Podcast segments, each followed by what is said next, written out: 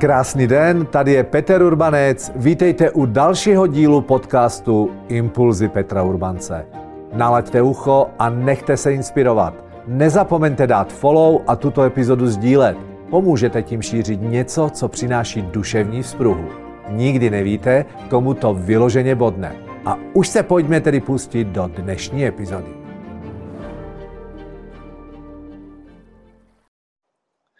Milovníci zvierat, ten príbeh, ktorý vám teraz poviem, sa vám nebude páčiť. Bol raz urobený jeden nehumánny výskum.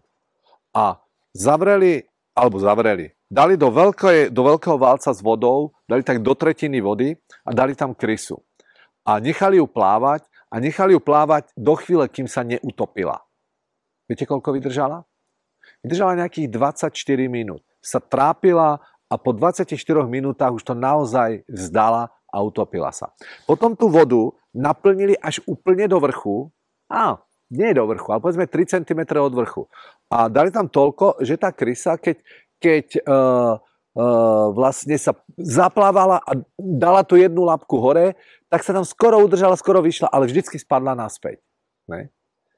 A takto sa trápila, ale mala, vždy videla tú šancu, uh, že by sa mohla dostať von. Ne? Viete, koľko vydržala? Vydržala takmer dvojnásobok. Už len tým, vidíte ten rozdiel medzi, medzi tým, keď tú šancu vôbec nevidela a keď tú šancu mala veľmi blízko. Dvojnásobok času. No a potom, čo tie vedci urobili, bolo veľmi zaujímavé pre management nádeje.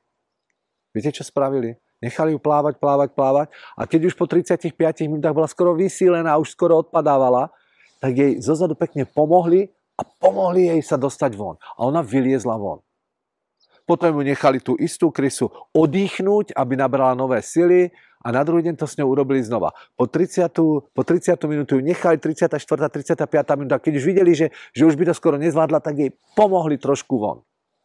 Takže do jej podvedomia dostali jednu vec. Aha, je tu nádej, že ja to dám. A mala aj tú skúsenosť.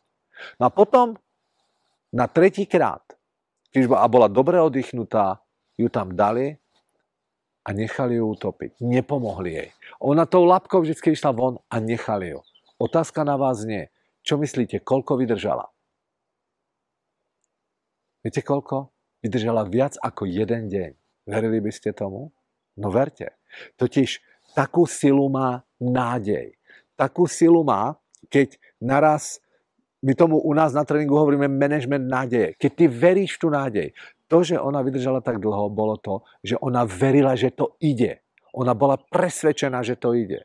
Hej. Na podvedomej úrovni ju tam vždycky niekto proste ťukol a, a ona si to na podvedomí pamätala, že toto sa proste dá.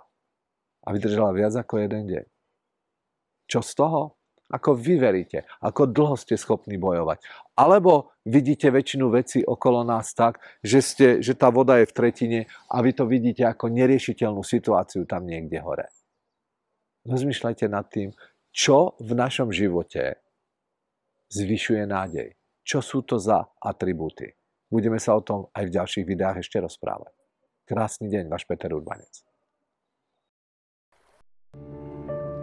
Tak a to je pro dnešek všechno. Doufám, že se vám dnešní téma líbilo a že vám poskytlo potřebný impuls k akci. Budu rád, když dáte follow a budete dnešní epizodu sdílet s lidmi, na kterých vám záleží. Těším se na vás u příští epizody. Váš Peter Urbanec.